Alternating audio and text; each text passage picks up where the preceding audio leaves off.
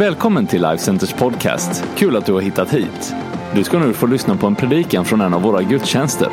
Du är alltid välkommen att besöka Life Center. All information du behöver hittar du på lifecenter.se. Jag vill tala över temat trons språk. Trons språk. Eh, vi läser några bibelord och det kommer att bli tio olika bibelord idag och vi kommer läsa sex av dem precis här i början. Markus 11 24.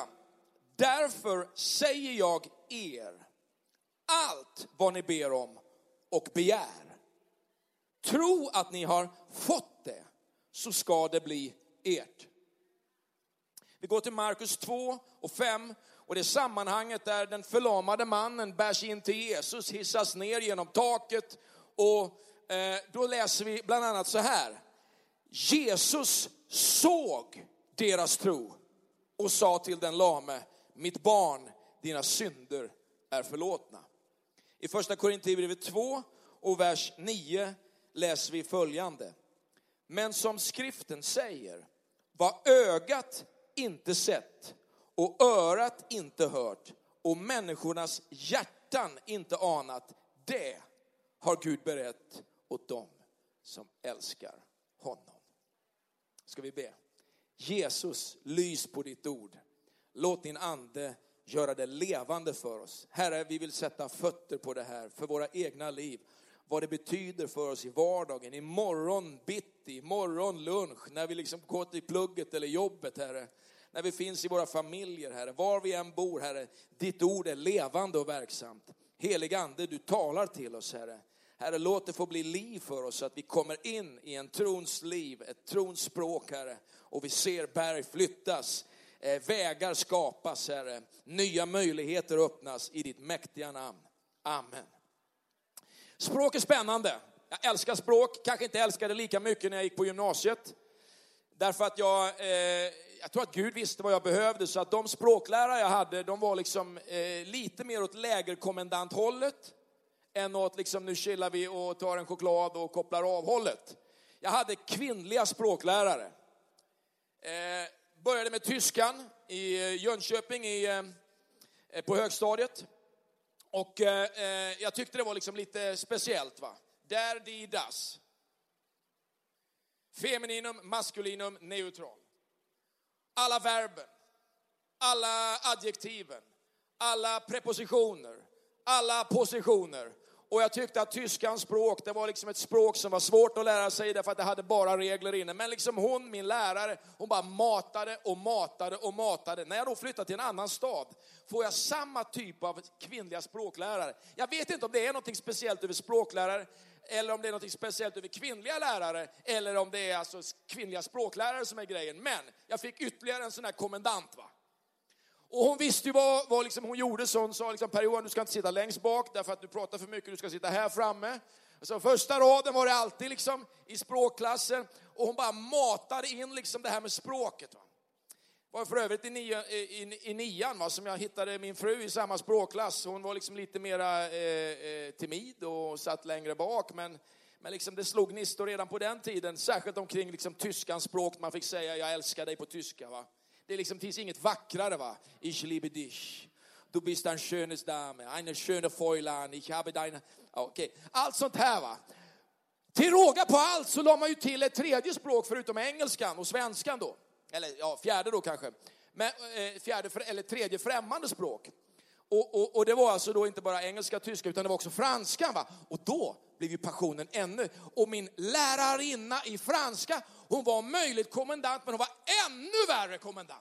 Hon hette Ulla, vi kallade henne för Drak-Ulla. Och alltså, Drak-Ulla va. Jag hoppas inte Drak-Ulla hör detta nu, jag tror hon är faktiskt jättegammal nu. För det var, hon var säkert minst 35 år på den tiden, jättegammal alltså. Alltså Drak-Ulla va. Hon, hon, eh, hon var speciell. Alltså. Jag hade en kompis i min klass som jag tog med till kyrkan som blev frälst. Han hette också Johan. Va? Vi satt bredvid varandra. Per Johan och Johan satt bredvid varandra. Och, på franskan. Va? Alltså, det var en termin va? när han körde ungefär på alla prov. Och jag tyckte att jag lyckades. Va? Men när vi fick betygen, då fick han liksom en fyra och jag fick en tvåa. Va? på en femgradig skala.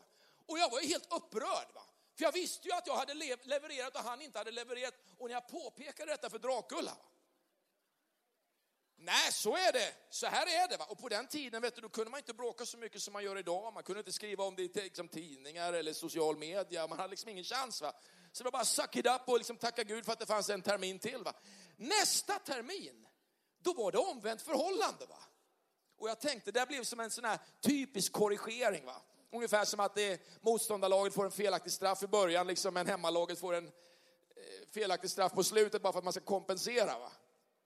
Tyckte det var mycket knepigt. Men franskan, den liksom gick in hyfsat bra.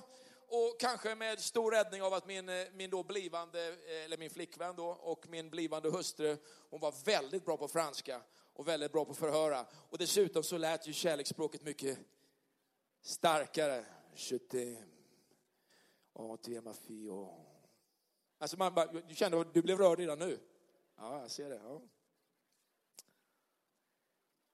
Så jag talar lite svenska, engelska, tyska och lite franska. Jag förstår lite spanska och skulle vilja lära mig lite ryska. Kommunikation är språkets kärna. Att kunna kommunicera, att tala. Ehm, att lära sig tala till varandra. Bibeln har berättelser om det här. Babels torn. Människor som bygger ett torn. Gud kliver ner och han ser liksom dem och framförallt kanske han tittar på deras högmod och så kommer det som kallas för språkförbistringen. Och, eh, folket som, som går åt olika håll och som, som eh, eh, sprids ut där för att liksom man, ja, jag vet inte egentligen vad Gud riktigt gjorde, men det var någon separation han gjorde där liksom på något sätt och man hamnade på olika delar av världen och det blev olika språk och, och, och, och det har liksom vi lidit av ända fram till vår tid. Till det som kallas för andens tid. När det finns ett språk som gör att du och jag, vi kommer hem.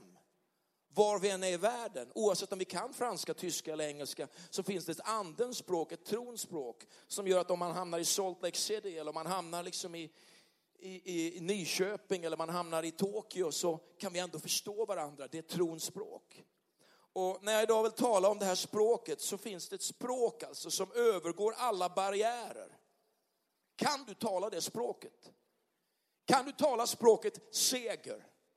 Kan du tala språket genombrott? Kan du sp tala språket tro? Trots omständigheter. I Apostlagärningarna 3 och 4 så står det så här. Då fäste de blicken på honom och Petrus sa, se på oss. Mannen såg uppmärksamt på dem och väntade sig att få något. Men Petrus sa, silver och guld har jag inte, men vad jag har, det ger jag dig. I Jesu Kristi Nazarens namn, res dig och gå. I eh, Apostlagärningarna 10 och 44 så står det så här, medan Petrus ännu talade föll den heliga ande över alla som hörde hans ord. Det finns ett sammanhang i Markus 11 eh, där Jesus säger, jag säger er sanningen, säger han. Om någon säger till det här berget, lyft dig och kasta dig i havet och inte tvivlar i sitt hjärta utan tror att det han säger ska ske, då kommer det att ske för honom. Petrus och Johannes och de andra lärjungarna, apostlarna, de gjorde bara det Jesus sa till dem att göra. Och du sitter här nu med omständigheter och situationer där du kanske bär någonting fram till Gud och så undrar du, Gud, när ska det ske? Vad beror det här på? Jag vill predika tro för dig idag. Jag vill predika ett språk som kan hjälpa dig att övervinna och att bryta igenom. Jag har tre punkter idag. Eh, den första är den här, håll i hatten nu. Förtrösta och lita på.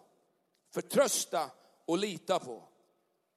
Därför säger jag er, allt vad ni ber om och begär, tro att ni har fått det, så ska det bli ert.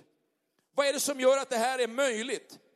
I första Johannes 5 så står de här orden att och den tilliten har vi till honom att om vi ber om något efter hans vilja så hör han oss. Och om vi vet att han hör oss vad vi än ber om, då vet vi också att vi redan har det vi bett om. Första Johannes 5, verserna 14 och 15. Du kanske inte fick upp dem på skärmen nu, men du kan skriva ner dem. Första Johannes 5, verserna 14 och 15. Den tilliten har vi till honom, att om vi ber om någonting efter hans vilja, så har vi det. Och om vi vet att han hör oss, vad vi än ber om, då vet vi också att vi redan har det vi har bett honom om. Vad är det som föder liksom den här tron som övervinner, som förtröstar, som litar på? Jo, det är ju inte tron på din förmåga, utan på hans förmåga. Det är ju inte tron på din tro, utan det är ju tron på hans förmåga att gripa in i ditt liv. Det är, det är tron på att den helige ande vill uppenbara någonting för dig. Eh, förr i tiden så sa vi ofta så här, har du ett ord på det? Har du ett ord på det? Va? Varför var det så viktigt att ha ett ord på det? Jo, därför att om, ett, om man hade fått ett ord på någonting, det här var vår teologi och jag tror att den fortfarande är mycket applicerbar. Den här innehåller ju massa löften va, men om du har fått ett ord på det, att den helige ande har fött tro till ett ord i dig, då kan du stå på det. Du kan ställa dig på det. Har du fått ett ord på dig? Den här kyrkan planterades på ett ord. Ett ord från Lukas 5 om ett övernaturligt fiskafänge. Jag satt på mitt kontor, hade några medarbetare runt mig. Vi hade en bönestund före lunch och jag visste, för vi hade bett många, många månader om ett genombrott. Då. Och jag visste att någonting höll på att hända. Och så sitter jag liksom vid det där bordet och så bara kommer Gud in i rummet. Och jag har bara varit med om det två gånger i mitt liv, att höra en hörbar röst. Guds hörbara röst. Jag har hört honom tala många gånger, tusentals gånger. Gör det, gör det. Liksom, jag är med dig och förtröstan. Jag har läst hans ord, det kommer till mig och den heliga ande uppmuntrar. Men att höra Guds röst, va? bara plantera en kyrka. Mot alla odds ska det lyckas. Och jag bara, ja, hörde ni? Och, och jag tror att det var bara jag som hörde rösten. Va? Men alla hörde det. Och så kom ett bibelord omedelbart, Lukas 5, övernaturligt kasta ut näten på andra sidan. Kasta ut på djupet. Övernaturlig fångst. De drog upp båtarna på land, lämnade allt, följde honom. Vet att sånt där att ha ett ord på någonting, det är fantastiskt. Så när Ulrika och jag bara några månader, ja, några veckor senare, inte månader, veckor senare var på en resa och fick liksom ett profetiskt tilltal. En man som inte ens kunde svenska profetera på klingande svenska över våra liv. Hur vi skulle plantera en kyrka mot alla odds som skulle liksom lyckas. Va? Då var ju det en konfirmation. Va? Men det var en konfirmation, inte bara på liksom en känsla. Det var en konfirmation på ett ord som Gud talade. Så att vi, när man då är med liksom att, att starta kyrkor, att gå med Gud, så får man liksom tusen olika orsaker att backa undan. Va? Du kommer att tusen olika motstånd som vill få dig att tappa greppet. Va? Men ett ord från Gud, det är något annat. Det är någonting helt annat. Jag ska beröra det här med känslor lite senare här. Jag är, alltså, om du tycker att jag talar med övertygelse, jag är inte dugg arg, jag är glad, jag är övertygad. Så att, amen, halleluja. Så Guds ord vill tala, hans ande vill tala, beviset ledarskap vill också tala. Efesierbrevet 2 talar om att ni är uppbyggda på apostlarnas och profeternas grund. Det finns alltså ledarskap man kan följa som har med Gud att göra. Det finns ledarskap man kan följa som inte har med Gud att göra. Det ska du inte välja. Du ska ha med ledarskap som har med Gud att göra. Så min vän, tro när du ber och du ska få. Alltså man måste tro innan man tar emot. Man måste sätta tro till sin bön. Man måste sätta tro och övertygelse till sin bön. Man måste sätta förtröstan till sin bön att han ska göra det. Du kan be tusen böner men ingenting händer. Va? Du kan be i allmänhet. Men att sätta tro till sin bön är inte krampaktigt. Det är inte liksom prestationshöjande. Det handlar bara om att lita på honom. Att välja att lita på att han förmår.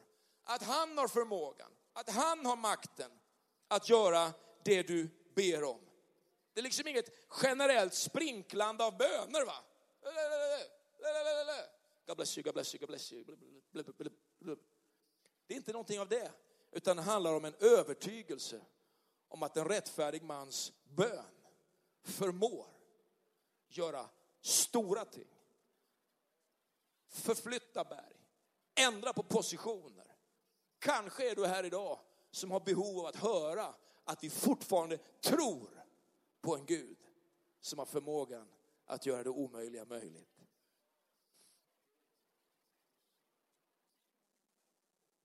Ibland är det nästan så att det är enklare att ha tro för att andra ska uppleva ett genombrott än vi själva. Tänk hur många gånger man har bett bön och fått tro liksom för någon annans genombrott. Va? Men så kommer du hem och så ska du be själv. Så känns det som att Gud han bryr sig om alla andra. Men jag då? Min situation? Min uppmuntran till dig idag är att ge inte upp. Ge inte upp din bön. Ge inte upp tron på att Gud också vill röra vid ditt liv, inte bara alla andras. Vet att förtrösta på Gud är det som initierar och startar Guds mirakel. Att planera allt själv och sen be Gud fixa till det, det är ju inte det livet vi är ute efter, utan vi är ute efter livet som leds av honom. Det är så vi ser positioner förändras i en stad. Det är så vi ser hur berg flyttas, hur Gud skapar nya möjligheter. Och då behöver man sätta tro till att också Gud vill verka i ditt liv och i mitt liv. Och att det vapen som bön och tro är, har för makt, har makt att förändra den här världen. Det står i Jakob, lyssna på det här, Jakob kapitel 5 och vers 17.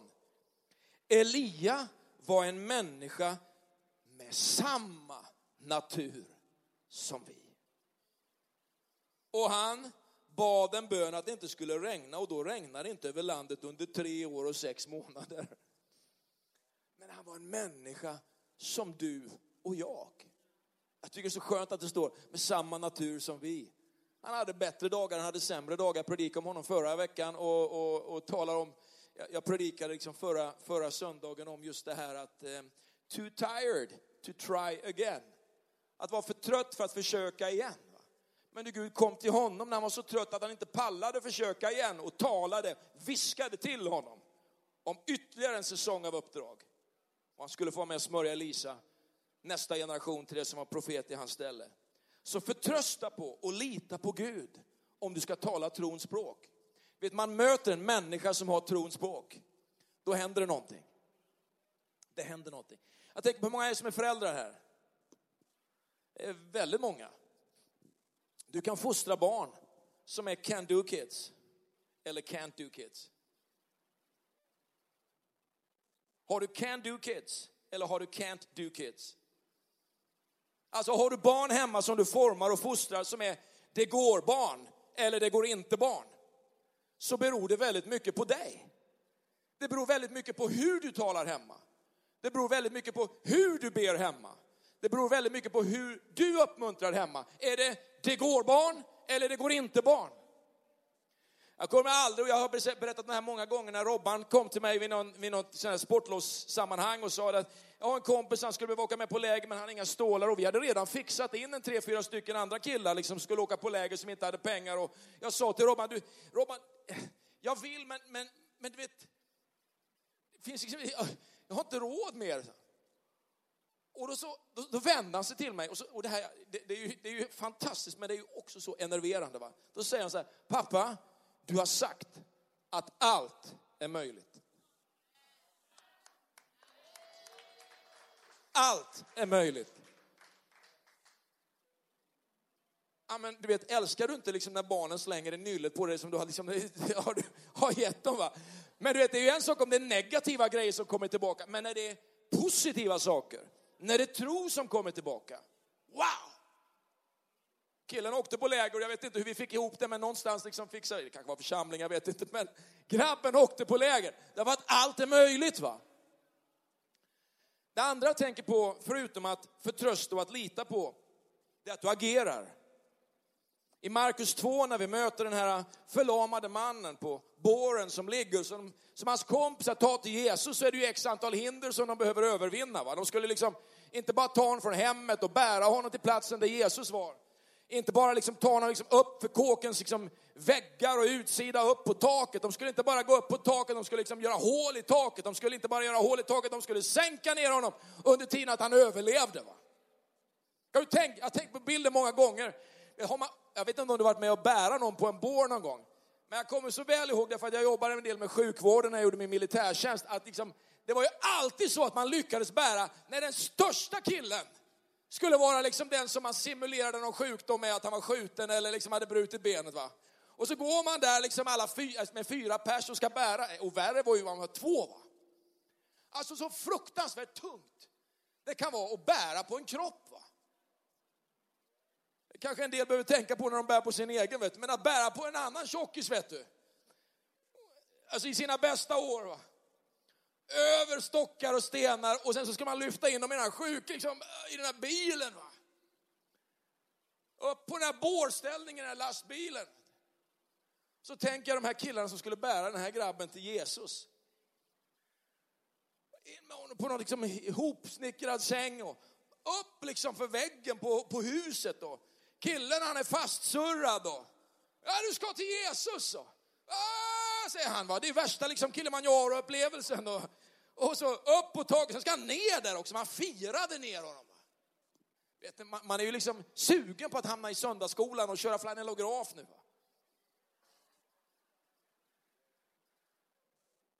Men så står det i sammanhanget när Jesus såg deras tro. Det var inte massa ord, det var inte massa bekännelser. Det var en tro som agerade. Det var en tro som handlade jag har tänkt många gånger på killen, han kanske inte hade tro själv. Han kanske var så slut. Han kanske var så utanför, han kanske var så mentalt nedkörd att han låg liksom hemma, alla, alla är hos Jesus och här är jag.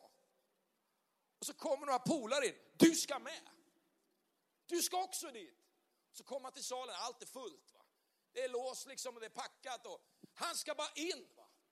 Jag älskar människor som ibland har den här lite militanta övertygelsen om att allt är möjligt även om det inte är möjligt. För det verkar som att Jesus han, han berörs av människor som visar sin tro, som agerar på sin tro. Och när jag tänker tillbaka på mitt liv så finns det ju galna saker man har gjort. Va? Så man ibland undrar, liksom, är det där jag eller är det, är det, är det tro? Va? Men att Gud han ändå bara berörs av det. Han välsignar det. Han, han, gör mirakel i människors liv. Och, och, vi tror liksom att vi alltid ska vara så socialt liksom anpassade. Jag kom till Moskva här för två veckor sedan och så checkade in på ett hotell. Och eh, vid disken så är det en kvinna som jag känner igen sen jag var där förra gången i maj. Och, och, och, och, och jag frågar henne, hur är det med dig? Har du, hittat, har, har du fått tag på en man än? Därför att den mannen som jag reste med var en singaporisk businesskille. Så när vi kommer till disken och checkar in så frågar han, är det någon som är sjuk? Jag kan be för er. Och alla bara chockas liksom bakom disken. Och det var någon som liksom pekade lite med handen och bara kastade sig över disken. Rakt framåt så här. Bara så här. Uh! Och jag tyckte liksom min politiskt korrekta svenskhet, liksom, den var bara förpassad till någon garderob eller någon, något parkeringsgarage. Va? Han bara kastade sig över det, i Jesu namn. Och den andra tjejen, vad, vad, har du för behov, sa han till henne. Jag, jag, jag skulle gärna vilja ha en man, sa hon. Jag är inte gift och jag, jag skulle gärna vilja hit. Vet, och så kände jag igen henne. Så frågade jag Robban, han var med mig. Och, och, och, har du hittat någon make än? Och, Nej, inte än, men jag vet, året är inte över. Liksom, och, jag påminner som var fri, hon kom ihåg det. va? Varför kom hon ihåg det? Hon kanske haft tusen vänner som har sagt till henne, ja, men jag hoppas att du ska hitta någon. Och... Ja, men för att hans tro var frimodig. För att hans tro var synlig. Att hans tro agerade. Agerar din tro? Syns din tro? När Jesus såg deras tro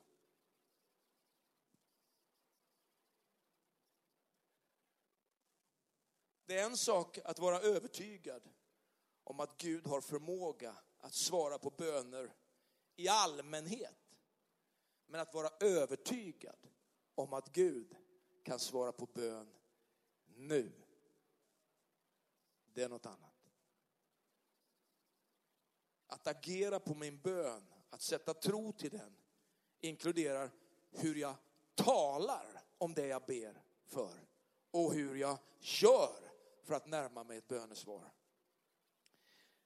En tro som syns oavsett omständigheter. Jag vet inte, vad är det för liksom, vad är det för vägg du ska upp för idag? Vad är det för tak du ska upp på och bryta igenom? Vad är det, för, vad är det, för, vad är det du ska sänka ner inför Jesus idag?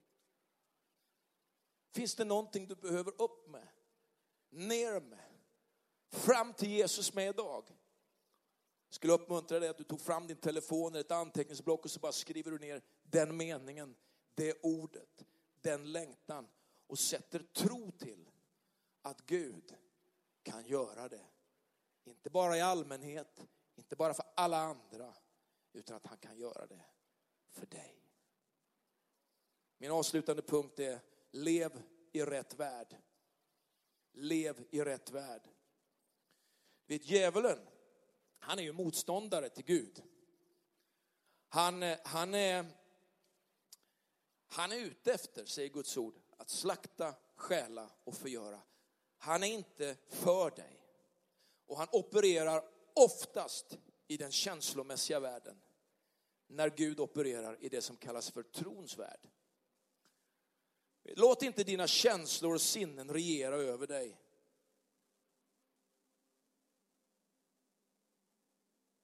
Låt inte dina känslor och ditt sinne regera över dig.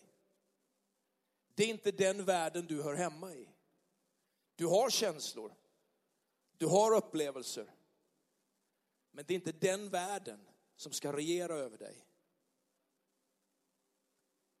För om det är den världen som regerar över dig så kan du vara ute någonstans och så blir du slut på någon och så slår du till den personen och så hamnar du i häktet. Det är den världen som du hamnar i om du liksom ser en snygg tjej som inte är din fru och så hamnar du i säng med den personen, men det är inte det som är din fru. Men det är känslorna som regerar över dig. Det är det som leder in i en dålig affär. Det är känslorna som regerar över, det är inte det som ska regera över ditt liv. Du är här på jorden för att operera i en annan värld än bara känslovärlden. Använd känslor, njut av känslor. Men låt inte det vara det som leder dig. Annars kanske du hamnar i spelberoende därför att bara du spelar en gång till så kanske du når ditt break. Så du kan hantera dina gamla skulder. Det är känslor som kan vara oerhört manipulativa och förleda oss oerhört. I första Korinthierbrevet 2.9 så står det så här, men som skriften säger, vad ögat inte sett och örat inte hört och människans hjärta inte anat, det har Gud berett åt dem som älskar honom. Dina ögon kan lura dig. Dina öron kan samla på många saker som inte är sanna. Ditt sinne kan lura dig. Dina känslor kan lura dig. Men Guds ande vill leda dig långt bortom det du känner. Långt bortom det dina ögon ser. Till en större insikt om sanningen.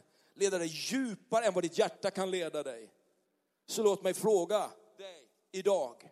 Talar du trons språk? Talar du trons språk? Jag ska ge dig en enkel bild till final här och jag ska be teamet komma upp här på scenen. Om du tänker på ett barn innan det föds. Vet ett barn som inte är fött kan du inte röra vid. Jag älskar bebisar och de luktar för det mesta väldigt, väldigt gott och särskilt i början då man luktar på huvudet då.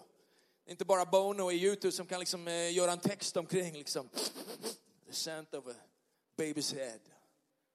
Det är underbart, få bara krama en bebis. Och men jag kan inte se den. Jag kan inte krama den. Jag kan inte lukta på den. Men den finns ändå. Så när händer miraklet? Jo, när barnet blir till. Hur är det med det du inte kan röra vid idag? Det du inte kan se idag? Det du inte kan krama idag? Finns det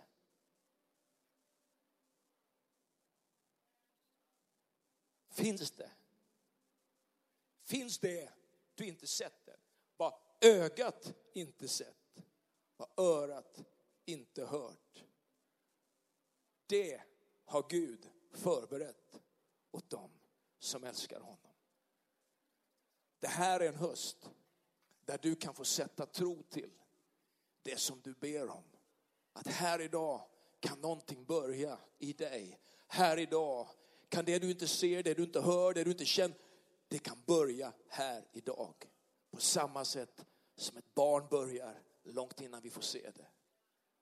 Din bön idag kan handla om ett mirakel.